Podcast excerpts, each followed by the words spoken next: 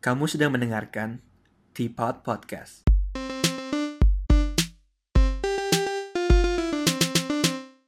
Hello, welcome back to Teapot. Hari ini gue lagi di Jakarta dan kita bakal ngomongin soal pendidikan dan lifelong learning. Ingat gak, biasanya kita sering banget disclaimer bahwa kita ini bukan expert. Nah, kayaknya buat hari ini, it is safe to say tamu kita is an expert. Karena dia punya title Google Certified Educator, udah ngajar selama 20 tahun, guru gue dari SMP, dan ya bisa dibilang mentor gue juga. Paling langsung aja disapa Sir Marcelo. Wah, kalau di dalam forum ini, uh, you can drop the sir. You can jump Sir?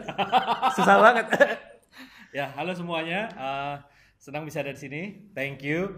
Ya, kita mau ngobrol-ngobrol nih soal pendidikan. Kayaknya topik yang lagi sangat menarik banget. Uh, apalagi belakangan ini ada banyak harapan besar tentang pendidikan Indonesia dan moga-moga kita bisa semuanya nih bergerak ke arah pendidikan Indonesia yang lebih baik. Mantap. Nah, mungkin saya bisa mulai dengan jelasin dulu deh. Kan tadi kan aku udah ngomong soal Google Certified Educator. Nah, itu maksudnya apa sih, Sir? Kayak gimana cara dapetinnya dan apa yang bisa Sir perbuat dengan gelar itu misalnya? Oke, uh, pertama agak besar dulu sedikit. Semua perusahaan besar, uh, Apple, Microsoft, Google itu sebenarnya punya perhatian khusus sama bidang pendidikan. Dan Google punya program yang namanya tepatnya sebenarnya Google Certified Innovator. Hmm. Dia ada di di apa ya diberikan pada orang-orang yang sudah melewati tahap-tahap keterampilan uh, keterampilan teknikal, lalu mereka juga mereka kami diundang untuk ikutin untuk ikut sebuah pelatihan workshop Work- work- workshop. workshop di mana kami harus melahirkan sebuah uh, innovation project untuk pendidikan. Hmm. Untuk untuk masuk program ini kami juga di harus menunjukkan track record kami pernah melakukan apa di bidang pendidikan. Lalu uh, ikut sesi itu. Dalam sesi itu juga bukan dalam sesi itu bukan hanya urusan teknis. Justru kami digali tentang cara menggali ide, cara melahirkan inovasi. Apa yang dalam uh, bisnis disebut sebagai design sprint atau design thinking. Nah, itu sibuk dah kami terus design sprint dalam uh, Kayak sesi Scrum itu. gitu, Scrum. Hah? semacam Scrum. Scrum S C A. Design thinking ada satu spesifik sih. Ah, Lahir dari Stanford School, lalu sekarang dipakai juga oleh IDEO. Uh, IDEO, IDEO, I don't know the pronunciation, tapi pokoknya itu. Tapi uh, a quick browse bisa dicari design thinking dan design sprint akan banyak ketemu. Uh, pola pikirnya uh, menarik, itu bukan pola pikir yang sangat teknikal, tapi justru mengutamakan empati karena ditujukan untuk membantu menyelesaikan masalah yang udah dianggap kompleks. Bahkan eh, dalam teori awalnya kata-katanya pun eh, wicked problem, problem yang sudah belibet banget.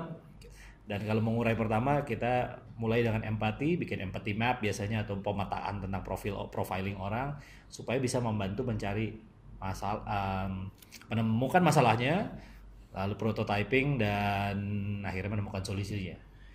Jadi Setelah- mungkin ngajar kayak mind mapping untuk Mind mencari mapping itu idea. salah, mind mapping itu salah satu Salah satu- tool. Salah satu tool itu ya, ya, ya, ya. salah satu salah satu tool. Iya, jadi em, setelah melalui proses tadi itulah, Iya, iya. setelah melalui proses eh, pelatihan itu, ya baru seseorang bisa jadi eh, Google Certified Innovator. Oh, oh jadi namanya innovator lagi, Bu. Tepatnya sekarang eh, Google Certified Innovator, walaupun itu boleh dibilang education program. Education program. Iya.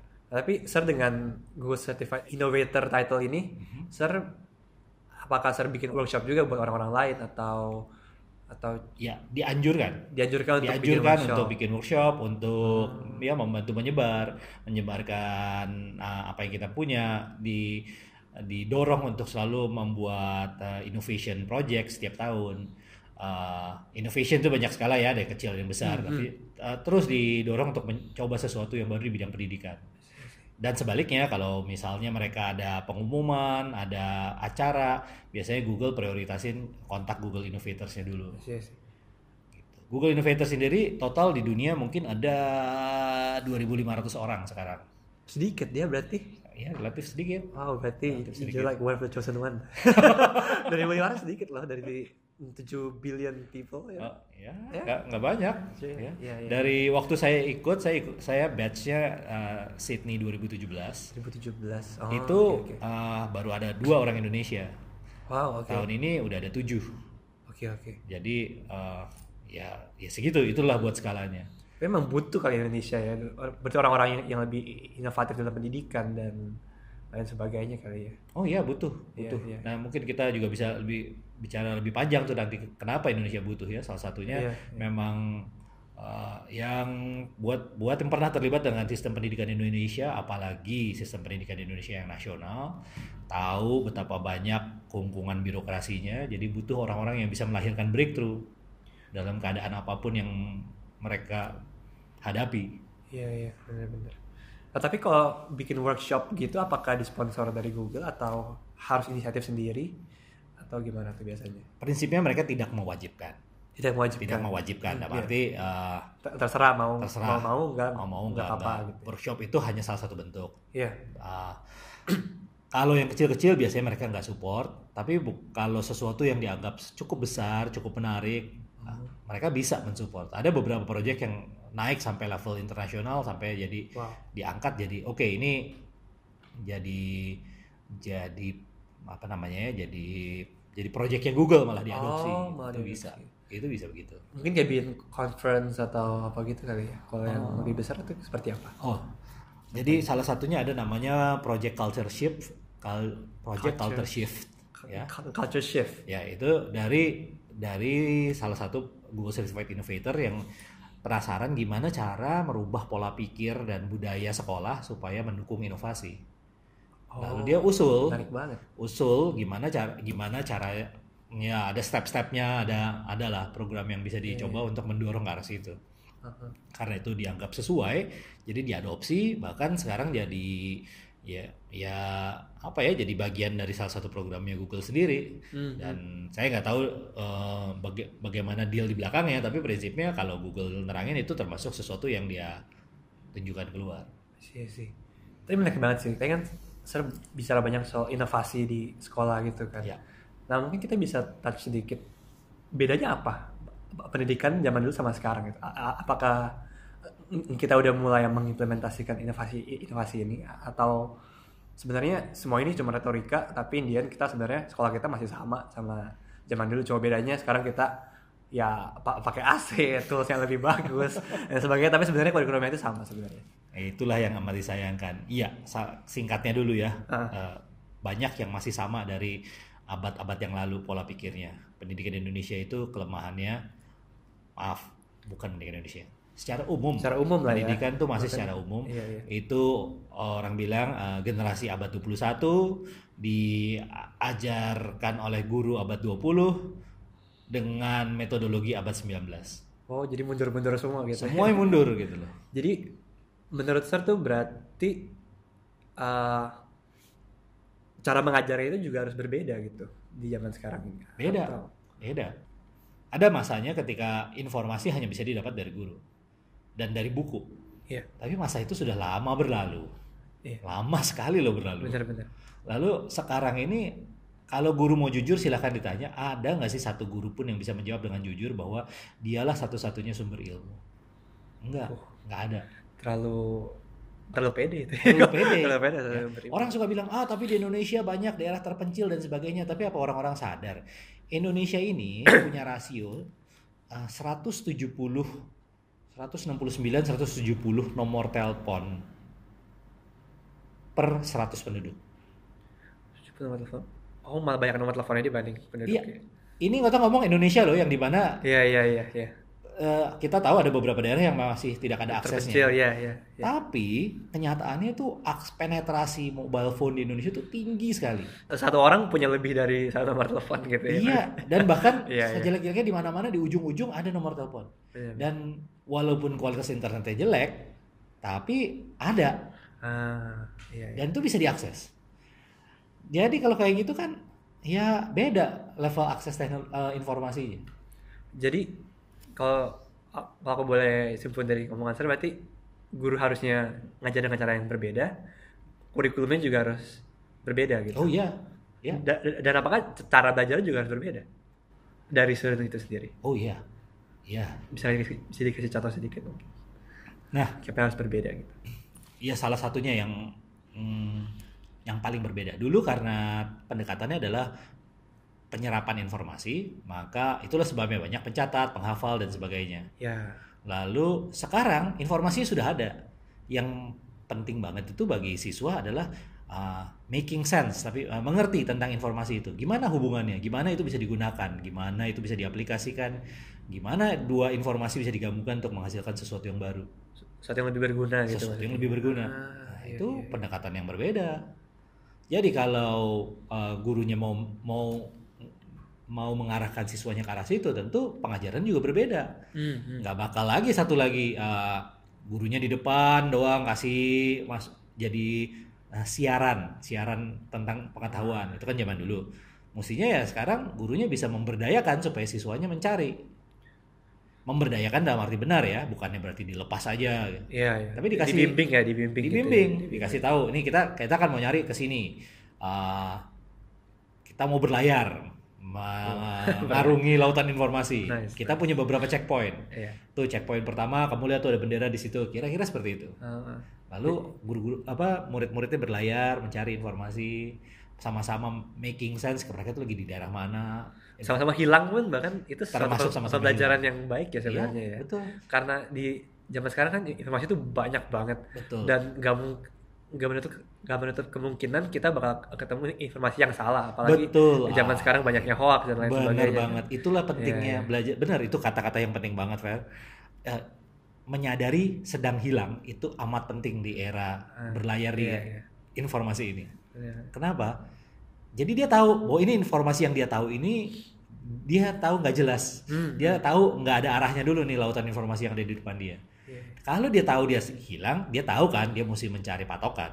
Hmm. Jangan pokoknya saya masih di air, saya masih terus bisa berlayar, ada angin, nggak tahu tapi ke mana. Jangan-jangan cuma muter, jangan-jangan ke mau nabrak karang, jangan. ya, Iya, iya, malah, malah dapat informasi yang menyesatkan bukannya bikin lebih baik, ya, malah ya malah bikin kacau pikiran mereka malah ya, Ya, kadang-kadang ya, mindsetnya juga. Nah berarti kalau di zaman yang banyak ber- berbeda ini, skill-skill apa aja menurut saya penting buat diajarin ke murid-murid gitu? skill-skill yang penting eh, yang beken 4C. Empat. Oh, Oh, empat oh, sih. oh, udah udah beken gitu nih sekarang nih berarti. Uh. 4C dianggap sekarang eh, standar lah ya, creativity, communications, critical thinking, collaboration. Harus bisa dan enggak itu tidak terjadi begitu saja. Creativity itu bisa dilatih. Jadi buat siapa pun yang mendengar yang merasa kreativitas, oh saya orangnya nggak kreatif, oh dia mah kreatif. Itu bakat orang kita mikirnya Ah, gitu no, ya. no, no, orang no, yang no. biasa mikir Ya, gitu ya. Itu definitely sesuatu yang tidak terjadi dan uh, itu kebetulan salah satu topik di uh, Google Certified Oh, Innovator gimana untuk menggali ino- uh, inovasi dan kre- bersamanya kreativitas. Itu bisa digali, bisa dilatih. Ada orang-orang yang punya tool yang lebih baik dan terbiasa dengan tool itu, ada yang enggak. Ada yang cuma nunggu inspirasi, nunggu bohlam, Nunggu bohlam. nunggu bohlam. Iya. Nah, kalau nunggu bohlam, iya nggak bakal nyampe. dapat tapi jarang-jarang gitu Apa? ya. Tapi jarang-jarang itu pun kita nggak tahu. Nah, apalagi kayak apa. di dunia sekarang ini yang sangat cepat gitu kan lu butuh informasi Iya. cepet banget jadi mau nggak mau lu harus bikin gimana caranya kreatif di situ flowing terus gitu ya Nah, betul. Iya, iya. Ya kreatif juice itu mesti di ya, ya, ya di you- apa ya you stoke the fire gitu kan supaya Iya, dia terus nyala atau kalau perlu dikasih air sedikit biar biar bisa uh, bisa diperes lagi. Iya, iya. Nah, Ini menarik sih ini aku jadi inget juga uh, cerita dari stand up comedian Salah tuh orang punya mi- mi- miskonsepsi kalau stand up comedian itu orangnya lucu i- i- in real life gitu. Ah. Katanya padahal mereka tuh orang yang sangat serius. mereka tuh suka nulis, maksudnya Ya. katanya semua kelucuan itu bisa dilatih. Oh, betul. Jadi bisa dilatih dan mereka itu belajar katanya, belajar nyari pola, nyari kata-kata yang bagus, diksi- diksi-diksi yang bagus. Dan setelah mereka melakukan itu cukup lama, akhirnya apa alur proses lucu- kelucuan itu mendarah daging sama mereka. Jadi jadi dia kalau misalnya mereka lagi improv gitu, mereka bisa ngeluarin kelucuan itu secara yang orang orang-orang lihatnya tuh improv, oh ini bakat nih dia cepat padahal itu karena proses eh, pemikiran yang dilakukan ber- berulang-ulang gitu. Mungkin ini sama kayak kreativitas juga berarti ya. Betul, betul Jadi sekali. dilatih menjadi kreatif lama-lama pas dituntut untuk menjadi kreatif, mereka bisa langsung ngeluarin kreativitas Betul. mereka gitu ya. Ya. Eh, salah satunya eh, semua orang mungkin tahu orang apalagi ini pendengar Indonesia ya Fer ya. Indonesia sama sama Hong Kong juga sih Oh, ya. oke. Orang di Hong Kong juga ada orang Indonesia di Tapi rasanya semua orang Indonesia di Hong Kong, di mana pun di seluruh dunia mungkin rasanya tahu siapa Dono Kasino Indro. Yes, Warkop. Warkop. DKI. Masalahnya apa ada yang sadar bahwa Dono pada masanya dia adalah asisten dosen. Sempet dengar beritanya teh ya. Dia Iya, iya, legend, iya. asisten dosen dari dosen yang namanya lalu jadi eh, standar buku sosiologi, Bapak Selo Sumarja. Jadi dia bukannya asisten dosen dari sembarang dosen, tapi dari dosen top.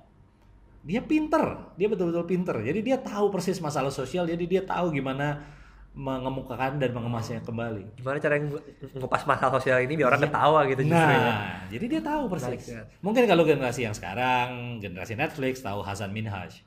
Sabina. Itu- Itu juga. mungkin. Itu mena ya, itu menarik banget. Gimana mereka benar-benar bermodalkan informasi, tapi kok bisa lucu padahal informasi benar. Padahal itu kayak uh, kupasan tentang satu topik. Kok lucu?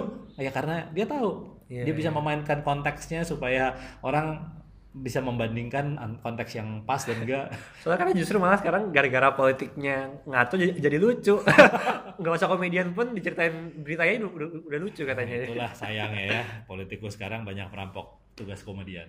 Iya komedian. Iya, iya. Bahkan Mr. Bean juga dia pintar juga katanya dia. Oh iya, Mr. Bean itu ah, pro- profesor bukan ya? uh, profesor bukan, Dok- tapi dokter tapi. uh, kalau nggak salah minimal dia S2 engineering. S2 engineering. Iya, pinter pinter. Dia, iya dia pinter dan dengan segala kepintarannya dia bisa bikin sesuatu yang lucu hanya bermodalkan gesture dan mainin konteks. Iya iya iya. Bahkan nggak nggak ngomong sepatah kata nggak ya. ngomong. Hebat hebat. Hebat. Nah tadi kan kita udah ngomong eh, tadi baru sampai kreativitas ya mungkin ada Sampai kreativit- Side track sedikit tadi. kreativitas, ada ngomong wah, banyak banyak banyak. tadi yang yang kedua apa setelah kreativitas Ke critical thinking, Critical collaboration, thinking. uh, communication, critical communication kalau dari itu ada yang serem elaborate lebih kah? atau collaboration. collaboration ya Kritik sebenarnya semua perlu tapi collaboration dulu. critical thinking mungkin udah sering dibahas kali ya critical thinking itu kan uh, kayaknya sekarang udah banyak orang ngajarin gimana cara kita ngupas sesuatu terus Ya. melihat dari dua sisi Ya, Gitu, ya, walaupun saya punya concern tersendiri, critical thinking itu bukan sinis. Critical thinking itu bukan sebeda, sekedar yang penting protes, tapi mampu melihat Iya, dari berbagai sisi. benar, benar. Ya. Nah, orang Indonesia kadang suka terjebak di benar benar ini, Menarik di, banget. di sinisnya atau yang penting pokoknya uh, kontra. Enggak. Yang penting lawan arus. Yang penting lawan arus. No, no, no, no, no, no. Enggak. malah tapi- saya kadang berpikir sekarang anti mainstream itu ja- jadi mainstream nah, you know what? Ya, you're right. anti mainstream. Jadi Ya, mainstream orang terlalu berusaha terlalu keras untuk jadi anti mainstream akhirnya jadi dia jadi mainstream. Mainstream. Jadi mainstream. ya benar banget. oh benar banget itu. Iya, iya, ini miris ya sebenarnya ironis. Misalnya ya kadang-kadang kalau misalnya mungkin saya, saya tarik sedikit deh. Ngelihat misalnya ada ada isu apa nih yang di internet kan banyak banget hal yang viral sekarang. Antara orang komplain sama hotel lah atau komplain sama apa. Pasti ntar satu orang nge-site yang ini terus ada satu orang lagi yang enggak tahu kalian tuh salah soalnya begini begini begini pasti mereka pengen coba jadi kontra walaupun mereka tahu itu padahal padahal kita nggak ada yang tahu yang benar yang mana gitu kan tapi mereka pengen jadi kontra terus saya gitu ya pengen jadi masalah benar. betul betul banget ya Iya, itu iya. itu banyak sekali ya gampang orang akhirnya eh, karena mungkin itulah tidak terbiasa menyadari dirinya sedang hilang di lautan informasi Hmm. akhirnya mau ambil cara mudah ambil aja dua sisi eh, terpolarisasi yang mudah benar atau salah Iya. nggak ada di tengah-tengah nggak bisa lihat di tengah-tengah padahal kan nggak sesederhana itu Iya, padahal mungkin gak ada yang tahu bahkan ya. Iya. Benernya kayak gimana itu kan yang lu lihat cuma se- sepotong klip 10 detik bareng 10 detik orang Iya. marah-marah tapi kan kita nggak tahu sebelumnya ada apa setelahnya ada apa gitu kan Iya. jadi kita ini mungkin sama kayak politik juga kali ya banyak orang yang cuma dari satu sisi yang merasa Oh, dia iya. paling benar dan lain sebagainya Iya, jadi betul ya berarti baru sadar juga critical thinking ini kalau diajarin dari sekolah ini bisa mengubah dunia perpolitikan juga ya Oh bisa, aduh penting banget. Kita butuh banget kalau mau lebih dewasa dalam dunia demokrasi kita, banget iya itu iya. kita butuh banget critical Oh, thinking. iya iya iya Isunya banyak sekali. uh, sorry to say, kebanyakan pemilih cukup males. Course, Akhirnya- of course, iya. Jadi nggak mau liatin apa sebenarnya isunya penyebabnya. Pokoknya ya udah liatin yang gampang aja. Ya, cari yang cakep. Nah. dicoblos. yang, yang kenal dicoblos. Sayangnya begitu. Iya saya. Kau mah cari yang etnis, etnisnya sama dicoblos. ya begitulah ya itu balik karena tidak terbiasa tersesat jadi ya ambil yang mudah Nah, ini buat pendengar ya ada background yang masuk mungkin itu itu, Itu- khas. itu, itu bel sekolah ya mungkin kita sekarang gue lagi di sekolah lama gue di PK bareng sama ya makanya ini kunjungin Sir Marcelo juga nih nah kita manggilnya pakai Sir soalnya kalau pas SMA harus pakai Sir ya Ah, ya. jadi kayaknya pas sudah keluar sekolah mau Sir bilang ganti jangan pakai Sir susah juga udah udah enam tahun pakai Sir tidak tidak bisa Agak dikait-kaitin nih sama pendidikan ya. oh iya boleh Kebayang boleh, ya. boleh boleh Untuk panggilan sederhana aja nempelnya bertahun-tahun ya. Wah, bener Gimana banget. kalau soal masalah gini nih 4C ini, oh butuh bertahun-tahun. bener bener bener Kita berganti dari sekarang pun mungkin hasilnya masih 10 20 tahun lagi. of course transisi pasti bakal bumpy banget kan. Ya. transisi itu nggak ada yang nggak ada yang mudah dan Hmm, ya butuh proses banget sih pasti. Jadi betul. katanya ada yang bilang ya kita udah nggak punya waktu makanya kita harus berubah cepatnya gitu. Maksudnya kalau ada yang belum sempurna ya emang gak bakal sempurna gitu ya katanya ya. Menurut Sir gimana tuh? Kenapa itu Ya ngejar ngejar sesuatu yang sempurna di dunia kayaknya sih. Susah ya. Nah, ya, tapi kita bisa berusaha menuju yang terbaik. Dan ya itu memang moving target. Itu moving target. Oh. Sementara kita mau maju ke depan kan ke depannya udah maju lagi.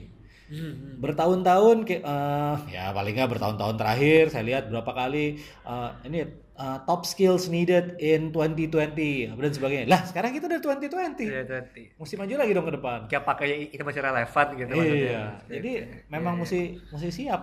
Itu selalu masih di depan kita. Iya iya. Tadi mungkin kita sempat ke sidetrack lagi. Kita bisa balik lagi ke collaboration tadi ya, Sir. Sir katanya mau stress something about co- collaboration. Iya, collaboration itu banyak juga yang pikir bahwa collaboration itu sesuatu yang oh ya udah itu tergantung orangnya.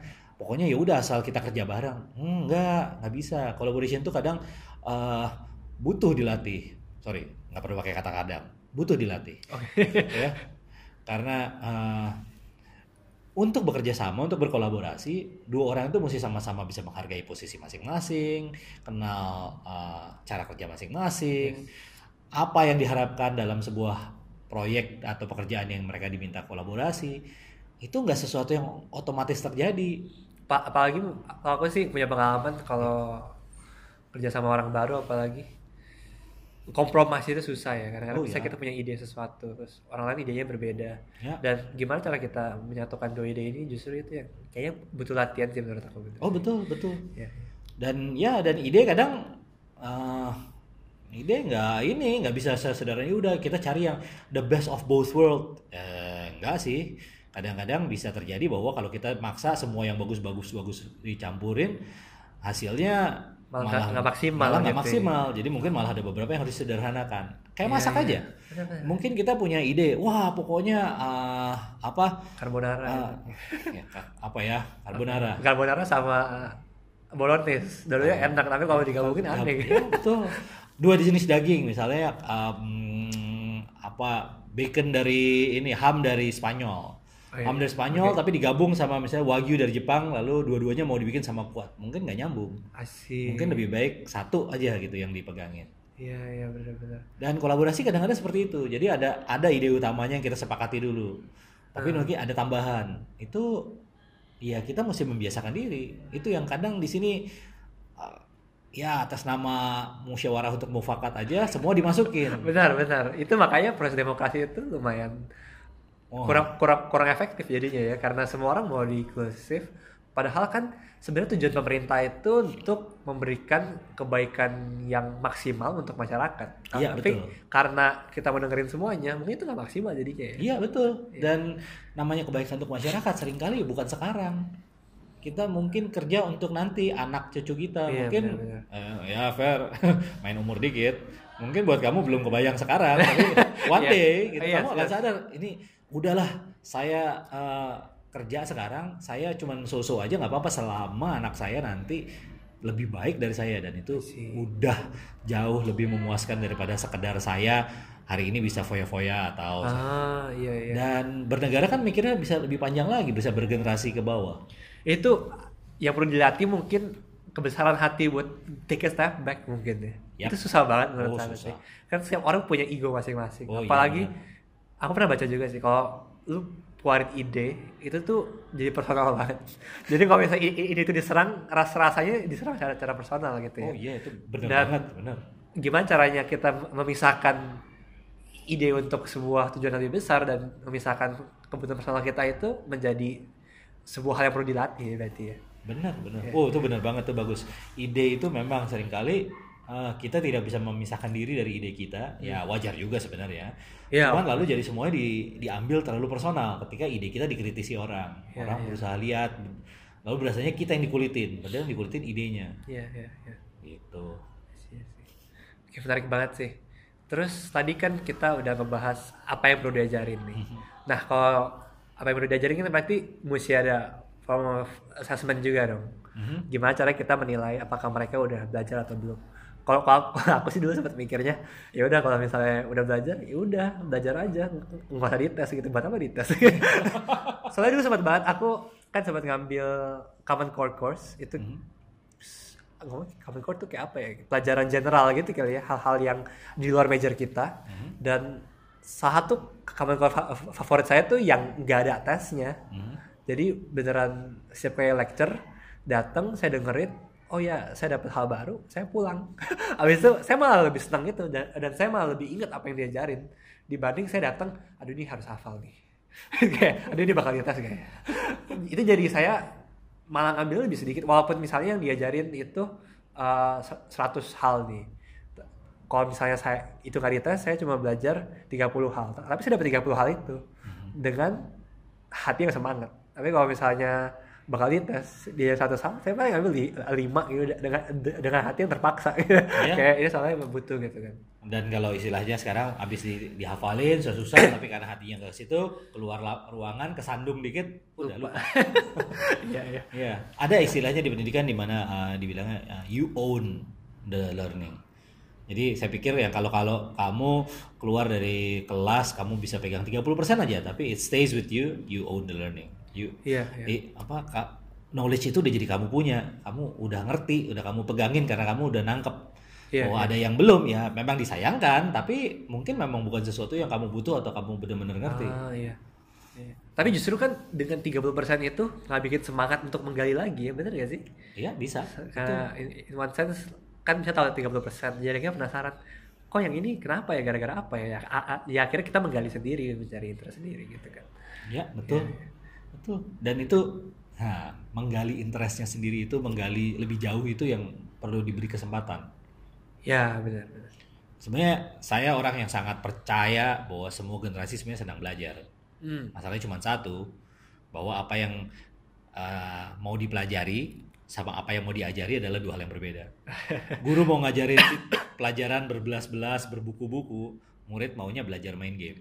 Iya. Tapi mau belajar. Ya. Tinggal masalahnya kan gimana Belajar apa? belajar apa Belajar apa dan bagaimana Ya, gitu. ya. sementara generasi apalagi generasi saya banyak yang lalu ini ngomongnya ah itu sih bukan belajar namanya itu cuma main game dan sebagainya Eh, ya tapi belajar kan Iya iya iya. kalau gitu ya mungkin itu yang mesti digali dan sebenarnya ada banyak pendidik-pendidik dari terutama dari luar ya dan udah mulai masuk sebagian ke Indonesia uh, yang mulai mengadopsi ya gimana kalau kita menjadikan permain pelajaran itu kayak permainan jadi diatur polanya bukan sekedar tes tapi kayak ngumpulin poin tapi ada Oh. kegiatannya di, di- di- berbeda lah jadi tesnya itu bukan yang modal ya udah nanti ada hari apa kita Tes. uh, Ulangan. ulangan gitu. Tapi kan dia ada poin-poin kecil yang kapan aja bisa dikumpulkan. Nanti kalau udah ada akhir, kita bisa buktikan bahwa ini semua inilah yang terkumpul selama ini. Oh jadi it's not about the grade, tapi when you learn something you get something gitu ya. Ya. Oh. Uh, pro, lebih ke prosesnya. Grade itu sebenarnya bukan saya grade itu tetap dibutuhkan, lebih karena mudah. Iya. Mudah aja gitu kan. Ada. Soalnya banyak banget orang di dunia Ya, ini. ada banyak banget orang kan. Tapi kalau kalau nggak ada grade, kita mau ngelihat apa? Porf- semuanya portfolio. Bisa dan itu lebih baik. Tapi uh, kalau dengan grade itu indikator mudah. Yang jadi salah adalah kalau satu-satunya dan hanya satu-satunya yang dicek itu hanya grade akhir. Ah, benar benar benar. Menarik banget. Nah, berarti kan tadi kita balik lagi deh. Ser kan bilang grade itu penting. Eh, maksudnya butuh lah gitu grade Iya. kan. Nah, berarti kan grade ini nyambung dengan asesmennya. Jadi, bagaimana cara menentukan asesmen yang tepat? Kalau misalnya asesmen yang tidak tepat, grade itu kan merupakan refleksi dari assessment. Ya. Berarti kalau assessment tidak tepat, dia tidak, tidak, tidak mencerminkan apa yang dia, mereka belajar kan. Oh iya, Nah berarti bagaimana cara menem- menemukan assessment yang tepat? menemukan asesmen yang tepat. Nah, sebenarnya ya saya suka kasih analogi begini. Kalau saya kamu belajar nasi goreng, belajar bikin nasi goreng, caranya tahu kamu udah bisa bikin nasi goreng gimana? Bikin nasi goreng. Ya bikin nasi goreng. Dengan kata lain kalau kamu belajar eh, apa ya, sebutlah belajar matematik, Iya. ya kamu bisa nggak benar-benar pakai matematik kamu? Oh. Bukan cuman teorinya, bukan cuman Kerjain soal. ngerjain soal, tapi benar-benar di dalam lingkungan yang membutuhkan matematik.